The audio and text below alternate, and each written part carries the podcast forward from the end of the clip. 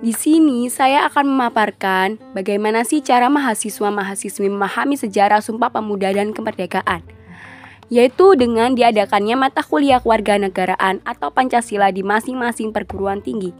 Itu merupakan bentuk atau cara mahasiswa memahami sejarah pengamalan Sumpah Pemuda dan Kemerdekaan.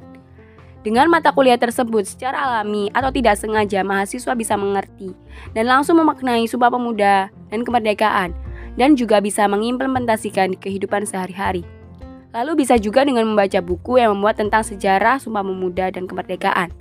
Lalu melihat video di YouTube tentang bagaimana sejarah proses Sumpah Pemuda yang mengarahkan Indonesia menjadi negara yang merdeka. Selanjutnya yaitu aksi mahasiswa yang meneruskan semangat Sumpah Pemuda dan Kemerdekaan menurut sudut pandang generasi Z Menurut saya sebagai mahasiswi dan generasi Z yaitu dengan terlibat dalam kegiatan sosial dan pelayanan atau juga organisasi yang dapat menumbuhkan potensi untuk meneruskan semangat Sumpah Pemuda dan kemerdekaan. Lalu, terlibat dalam memajukan sektor pendidikan untuk mencapai kemerdekaan yang sesungguhnya sebagai mahasiswa-mahasiswi hal terpenting yang harus dilakukan adalah memerdekakan generasi perbaikan bangsa dari keterbatasan dalam pendidikan maupun kesehatan. Dan generasi Z bisa ikut terlibat dalam hal tersebut.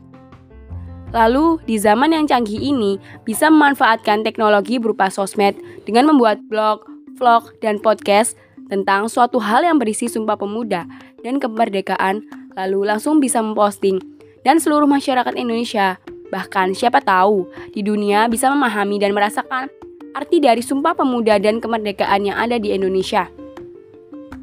Lalu selanjutnya, bagaimana sih reaksi mahasiswa setelah membaca berita tentang peringatan Hari Sumpah Pemuda?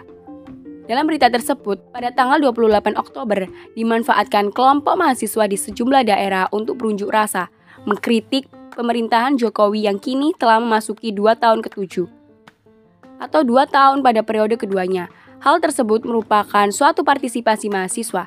Sejarah menunjukkan bahwa dinamika bangsa ini tidak terlepas dari peran mahasiswa, yaitu semangat dan idealismenya. Jika melihat realitas yang berkembang, gerakan mahasiswa belakangan ini juga tidak terlepas dari cita-cita mulianya untuk memperjuangkan aspirasi masyarakat. Jadi, mahasiswa menandakan bahwa mereka adalah sebagai bagian dari negara Indonesia dan pemegang kendali negara di masa depan, dan bisa menjadi warga negara yang sadar akan bela negara berlandaskan pemahaman politik kebangsaan dan kepekaan mengembangkan jati diri dan moral bangsa dalam berkehidupan bangsa.